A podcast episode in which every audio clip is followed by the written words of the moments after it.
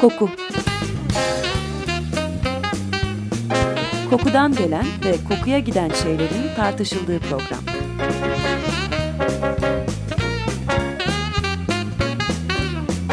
Hazırlayan ve sunan Vedat Ozan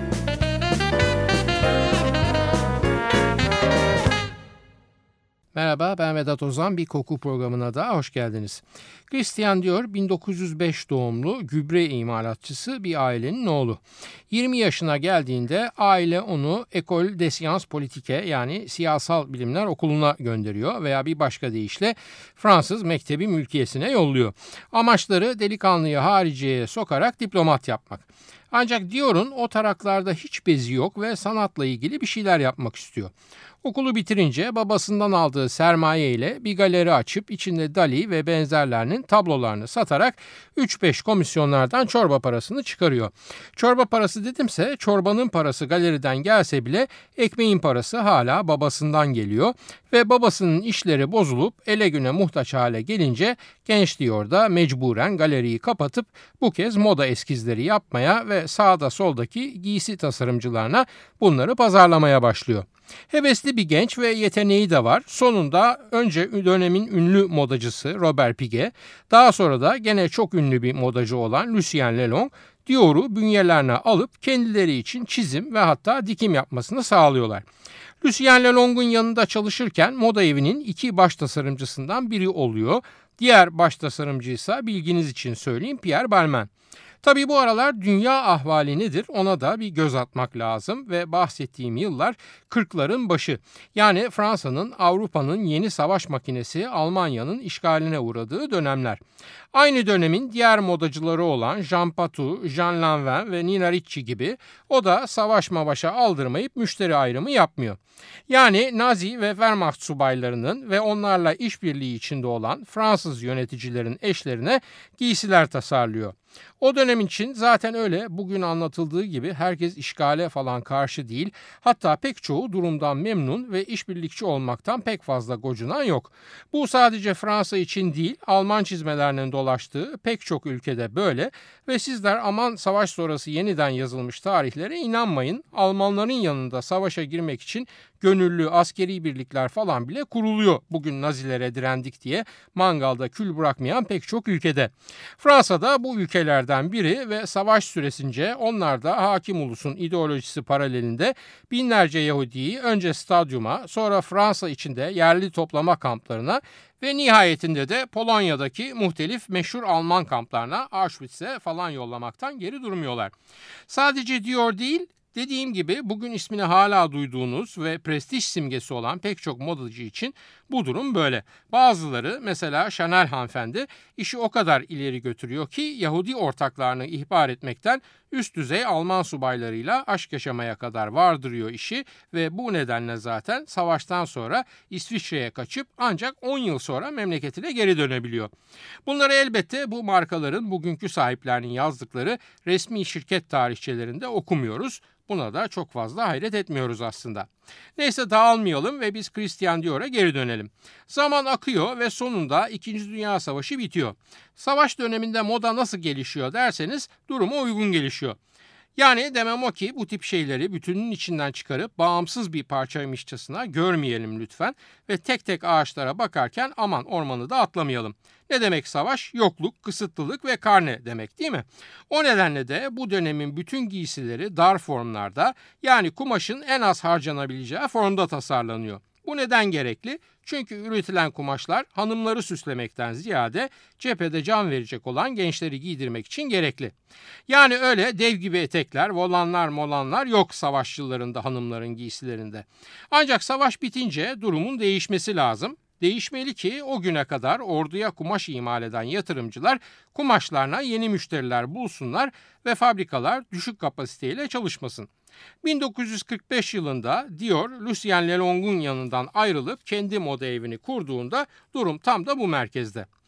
Dior'un kendi başına bir moda evi kuracak sermayesi elbette yok ve şık bir büro tutmak, eleman almak, defileler falan düzenlemek bayağı bir para gerektiriyor. O da buluyor kendine bir hami ve açıyor moda evini. Hamisinin ismi Marcel Busak. Sizce ne iş yapıyordur bu Marcel Buzak ki böyle bir moda evini finanse etmeyi menfaatlerine uygun bulsun? Doğru bildiniz. Marcel Buzak dönemin en ünlü kumaş tüccarlarından biri. Finansörünün desteği ve yeteneğinin ışıltısıyla diyor kendi adını verdiği moda evini kurduktan bir yıl sonra ilk koleksiyonunu defileye çıkarıyor. Giysiler öyle eskisi gibi dar ve kısıtlı kumaş kullanılmış giysiler değil tabi ve üstlerden doğru dar gelmesine rağmen belden itibaren geniş geniş etekler yer alıyor ve savaş süresinin kısıtlarından ruhları daralmış hanımefendiler bayılıyorlar bu yeni tasarımlara. Hatta moda dünyasına yön veren dergilerden biri olan Harper's Bazaar'ın etkili ve meşhur moda editörü Carmen Snow defile sonrasında Dior'a dönüp diyor ki kuzum Christian sen modaya yeni bir bakış, yeni görünüş getirdin. Bu yeni görünüş yani new look tanımı Dior'un üstüne bir daha çıkmamak üzere yapışıyor ve moda tarihinde de bir dönemin ismi oluyor aynı zamanda. Dior da zaten farklı bir şey yaptığının farkında ve ben kadınları giydirmiyorum onları çiçeğe dönüştürüyorum diyor. Yalnız çiçek derken aslında Dior'un metafor falan yaptığını sanmayın. Çünkü kendisi son derece güçlü batıl inançları olan birisi ve Fransızlar için uğurun simgesi olan müge çiçeğini giysinin bir tarafına takıştırmadan asla mankenlerini podyuma yollamıyor. Dior'un hikayesini uzatmayalım ve sonuna getirelim. 50'lerin sonunda şan ve şöhrete iyice ulaştığında yanına bir genç alıyor tasarımcı diye ve bakıyor ki bu gençten de kabiliyet fışkırmakta. Artık işleri onun eline bırakıp biraz da kendine vakit ayırmaya karar veriyor. Bu gencin isminin de Yves Saint Laurent olduğunu antiparantez belirteyim. Zaten programımızın sürekli dinleyicileri Opium'u anlatmış olduğum yayınlardan Yves Saint Laurent'ın hikayesini hatırlayacaklardır. Evet ne demiştim Dior'la ilgili az önce? Batıl inançları çok kuvvetlidir demiştim değil mi? Parisli bir falcının hasta derecede bağımlısı Christian Dior. Madame Delahaye isimli bu falcı da onun seyahat planlarından evinde veya butiğinde hangi vazoya ne çiçek koyacağına kadar pek çok şeyine karışıyor ve alabildiğine yönlendiriyor muhteremi. 1957 yılının Eylül ayına gelindiğinde Dior yorulmuş olduğunu hissediyor ve İtalya'da bir tatil yapmak istiyor. Gideceği yer Montecatini yani Toskana bölgesinde Floransa'dan Pisa istikametine giderken hemen 3 tren istasyonu uzakta küçük ve kaplıcalarıyla meşhur tipik bir İtalyan kasabası. Otelleri Floransa'dan daha ucuz olduğu için bizim turizmciler de genelde Floransa turlarında Montecatini'yi tercih ederler konaklama olarak. Neyse elbette yalnız gitmeyecek ve erkek arkadaşı da kendine eşlik edecek muhtereme bu gezide. Erkek arkadaşı diyorum çünkü diyor pek çok modacı gibi karşı cinse yani hanımlara değil kendi cinsine ilgi duyuyor ve o dönemdeki erkek arkadaşı da Jacques Benita isimli Tunuslu bir şarkıcı. Yeni arkadaş oldukları için Dior biraz da kilolarından utanıyor ve seyahatin bir amacı da o kaplıcalarda bir küre girip az da olsa kilo vermek, forma girmek, böylece sevgilisini etkilemek falan. Tabi adet olduğu üzere seyahatten önce falcısı Madame Delahaye'yi davet ediyor ve gidebilir miyim diye soruyor. Dolahaye açıyor iskambilleri önüne, bir kartlara bakıyor, bir Dior'un yüzüne bakıyor, aman diyor sakın. Ya yapma ciğerim çok yoruldum gidip iki dinleneyim şurada üç de kilo vereyim falan dese de falcı Nuh diyor peygamber demiyor. Diyor da hayatında ilk defa falcısının sözünü dinlemeyip kendince bir çılgınlık yapmaya karar vererek çıkıyor seyahate. Arabası hazırlanıyor, şoförü alıyor muhteremi ve düşüyorlar yola. Montecatini'ye vardıklarında hemen kaplıcaya yollanıyor. Sevgilisi yanında etrafta nefis Toskana sonbaharının kokuları falan derken keyif kekal fırınları yani. 10 gün kadar geçiyor bir akşamüstü gene kaplıcadan dönüp dostları ve sevgilisiyle Chianti şarapları eşliğinde kanasta oynarken birden oracağa yığılı veriyor Christian diyor. Kalp krizi ve mevta oluyor yani bizim muhterem. E Christian diyor bile olsan her canlı bir gün ölümü tadacaktır hele ki falcının sözünü dinlemediysen. Cenaze töreni Saint Honoré de Lo Kilisesi'nde yapılıyor. Muazzam bir kalabalık var. İçeridekinin iki misli insan da dışarıda bekliyorlar yani son vazifelerini yapmak için. Kalabalığın arasından tanıdık bir isim daha önce Madame Rocha'yı anlatırken bahsetmiş olduğumuz meşhur parfümör Edmond Rodniska sıyrılıyor ve kiliseye doğru meylediyor. Yavaş yavaş tabuta yanaştığında Christian Dior'un naçiz bedenini altı, üstü, sağa, solu her yanı müge çiçekleriyle bezenmiş bir tabutun içinde görünce hıçkırığı boğazında düğümleniyor. O da fazla ısrarcı olmadan o düğümü koy veriyor ve başlıyor sessizce ağlamaya. Neden? Şimdi de sıra geldi bunun nedenini anlatmaya. İsterseniz Mügeli Tabut'un hikayesine geçmeden karakterleri tanımaya devam edelim ve parfümör Edmond Rodniska'yı kısaca tekrar bir hatırlatayım size.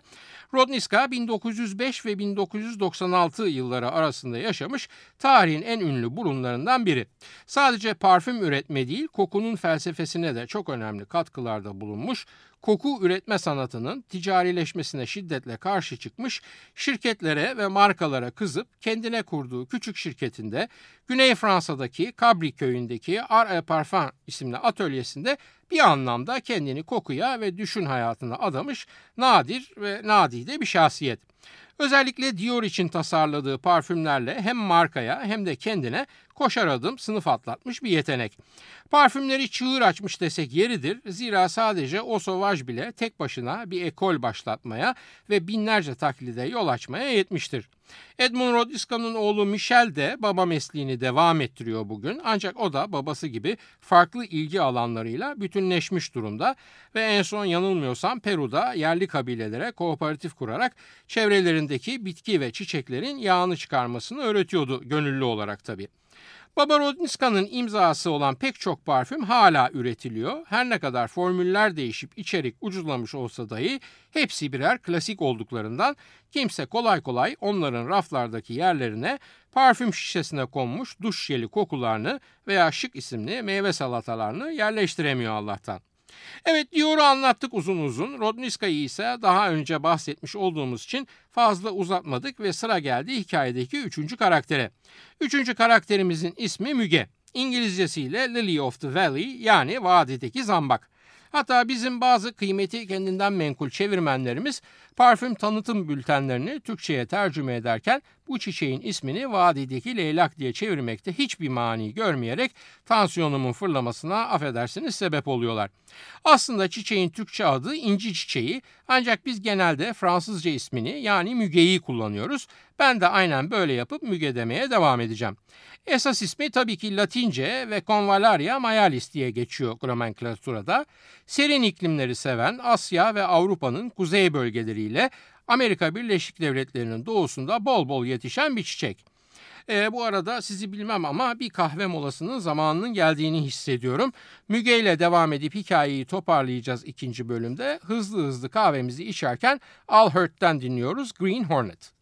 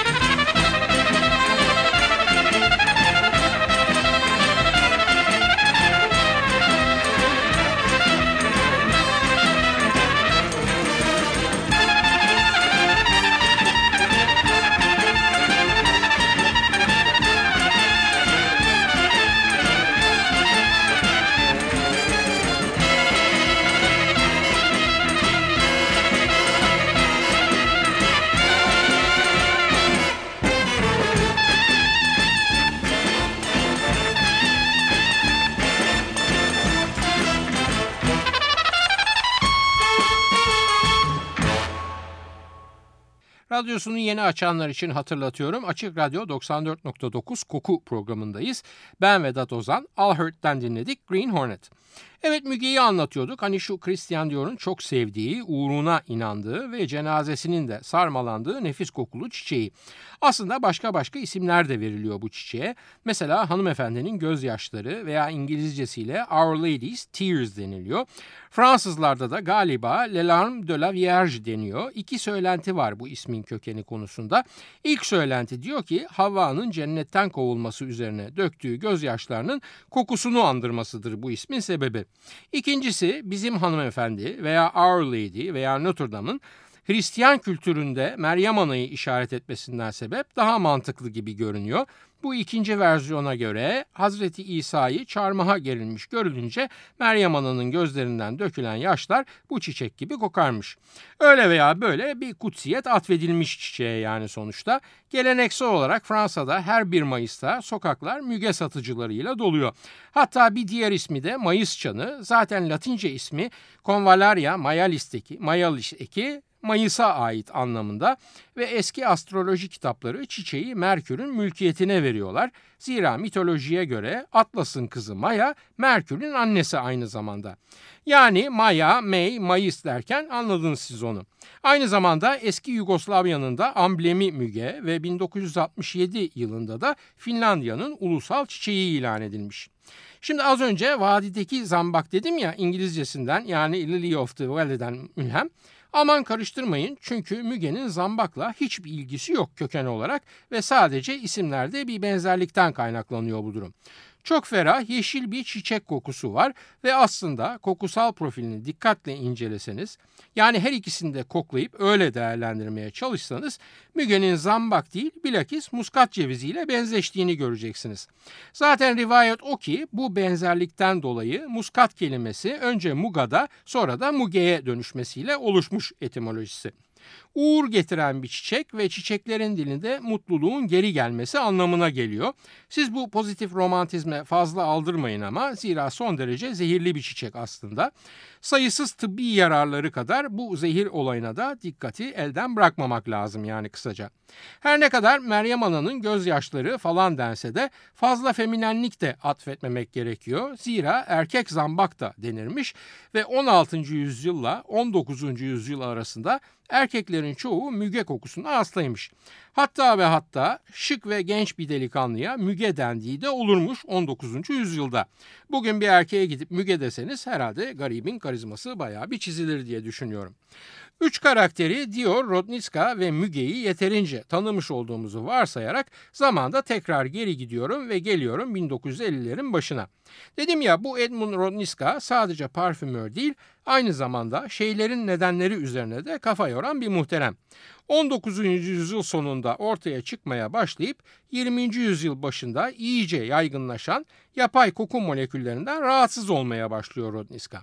Evet bu moleküller daha önce yaratılamamış pek çok muhteşem kompozisyonun doğum sebebi oluyorlar. Ancak gene de alışık olunamayan sert, bazen kaba ve çalışması çok da kolay olmayan bir kokuları var.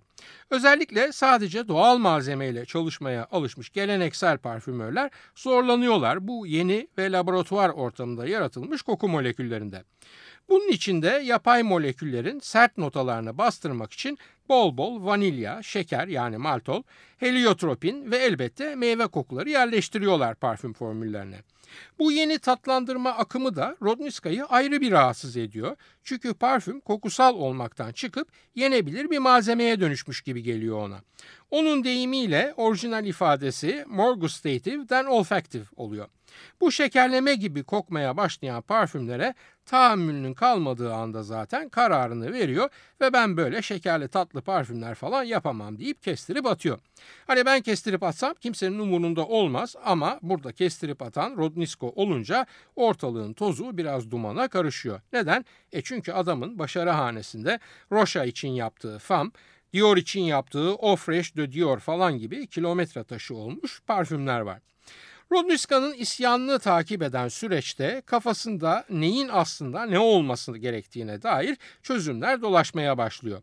Esas istediği doğaya dönüp yapay molekülleri reddetmek değil, Çünkü onların kendisine sağladığı avantajları asla kaybetmek istemiyor.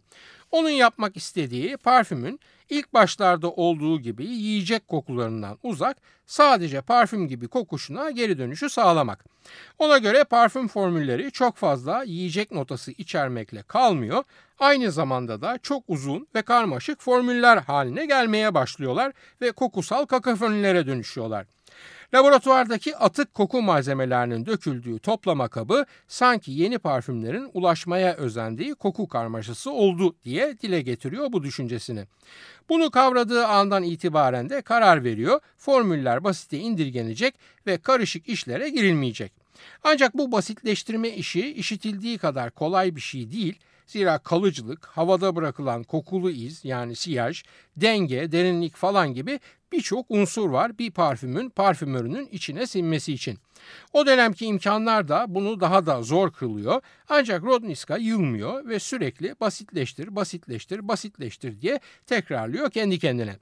Ona göre bir sanatçı ustalığının zirvesine geldiğinde tekrar o baştaki basit anlayışına geri döner. Ancak bir farkla ki o da diğer yeni başlayanlara bir tur bindirmiş durumdadır şimdi. Öncelikle piyasada bulunan bütün yeni koku moleküllerini atölyesinde topluyor. Çok kullanılmış olanları eliyor, taze ve şeffaf bir izlenim bırakanları ise ayrı bir köşeye ayırıyor tekrar üzerinde çalışmak için. Yiyecek havası taşıyanları elinin tersiyle itip doğa gibi kokusal izlenim yaratanları da ilk ayırdığı taze ve şeffaf moleküllerin yanına koyuyor. Bunları yaptığı dönemde bir de takıntısı var Rodniska'nın. Bahçesinin geniş bir bölümüne müge çiçekleri ekmiş durumda ve gün içinde sürekli dışarı çıkıp mügelerini kokluyor. Bu arada bilgi için söyleyeyim. Müge çiçeğinden kokulu madde doğal olarak yani özit falan elde edilemez teknik anlamda. Zira hiçbir işleme dayanamayacak kadar narindir. Çan çiçekli bu doğa harikası. Asla bir gül veya yasemin değildir yani. Ya başka doğal malzemeyi mesela gül, limon, yasemin, vetiveyi falan birleştirip yakalamaya çalışacaksınız ya da yapay moleküllerin hidroksitronelal, liliyal, liryal, majol falan gibi aroma kimyasallarının yardımına başvuracaksınız müge kokusu yaratmak için. Yani tamamen koku izlenimine dayalı bir tekrardan üretme süreci söz konusu müge olunca sahnedeki ve bu da tahmin edebileceğiniz gibi hiç de kolay bir iş değil. Yılmıyor Rotnitska her bahar kendini atıyor mügelerinin içine. Bir elinde koku molekülleri emdirilmiş kağıt şeritler, bir eli çiçeklerin üzerinde hem beynini hem ruhunu zorlayarak ulaşmaya çalışıyor mügenin kokusuna.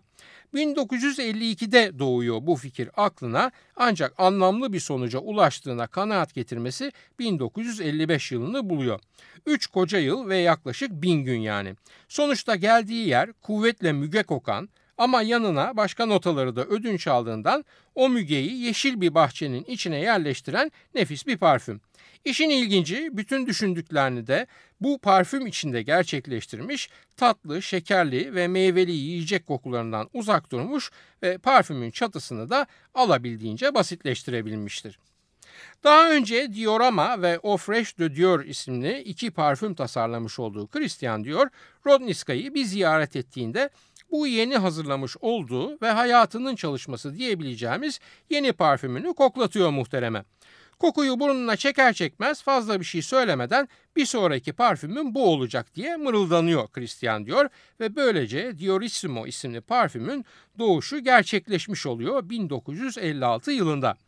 Rodniska'nın Christian Dior'un Müge'yi uğurlu bulmasından, her defilede mankenlerinin bir yanına mutlaka bir mügecik iliştirdiğinden falan haberi yok tabi. O yaptığı herhangi bir koku nasıl beğenildiyse öyle beğenildi sanıyor yeni mügeli parfümünü. Ta ki bir yıl sonra 1957'de Saint Honoré de Lo Kilisesi'nde Christian Dior'un cenazesini tabut içinde mügelere sarmalanmış görene dek. O an anlıyor kendisine bahsetmediği halde aslında Dior'un ne kadar etkilenmiş olduğunu yaptığı parfümden yani Diorissimo'dan ve gözyaşlarını tutamayıp ağlamaya başlıyor. Diorissimo bir müge kokusu olmaktan ziyade stilize bir müge parfümü diyebiliriz. Neden stilize? Çünkü Diorissimo müge gibi değil bir bahar günü yağmur almış bembeyaz bir müge bahçesi gibi kokar. Aslında monofloral bir parfümdür. Yani baştan sona tek bir çiçeğin etrafında döner şişenin içine konulan hikaye. Ancak bir farkı vardır ki tarih boyunca bu kadar uzun süre ticari olarak hayatta kalmayı başarabilmiş tek monofloral parfümdür. Menekşe, lavanta falan gibi pek çok koku vardır hem o zaman hem de bugün. Ancak bunlar genelde market raflarını dolduran nispeten ucuz ve prestij mesajı vermeyen parfümlerdir. Her ne kadar basit bir formül etrafına çatılmış olsa da bu Diorissimo'nun kompleks bir derinliği olmadığı anlamına gelmez. Sandal ağacı, Yasemin, Nergis zambağı, Boronya, Müge, Ylang Ylang ve Gül ağacı tanınabilir notalarıdır.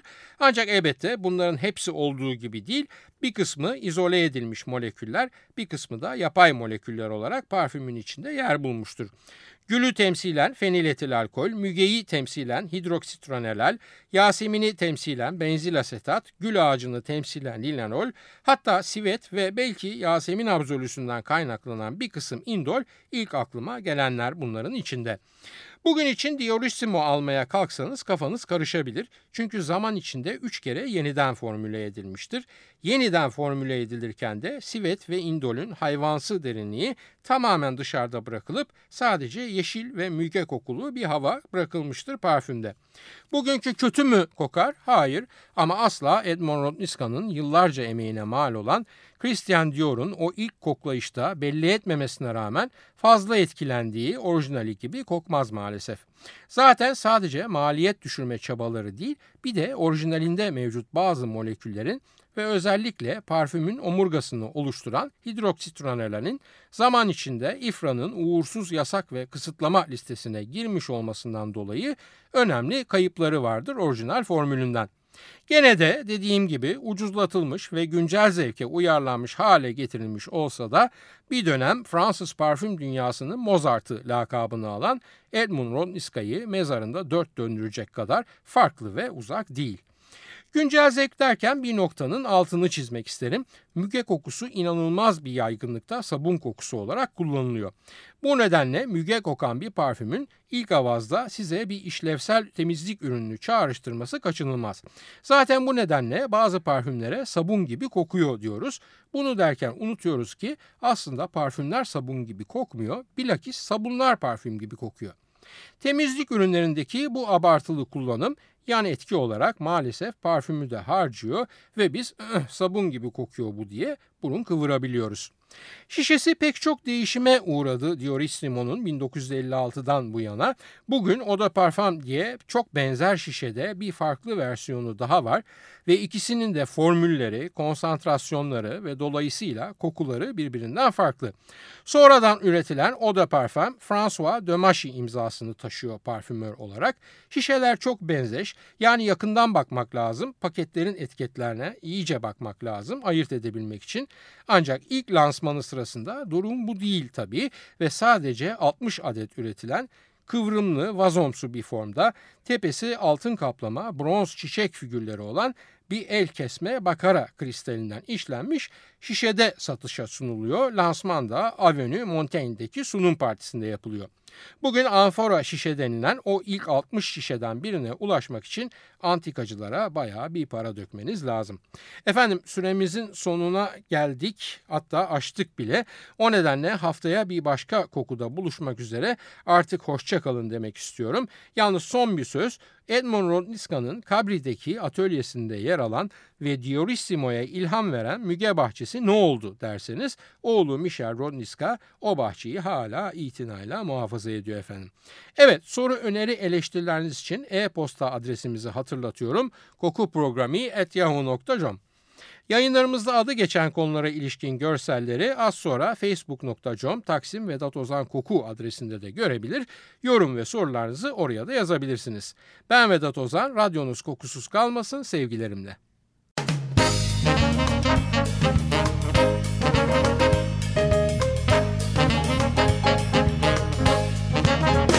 Koku Kokudan gelen ve kokuya giden şeylerin tartışıldığı program.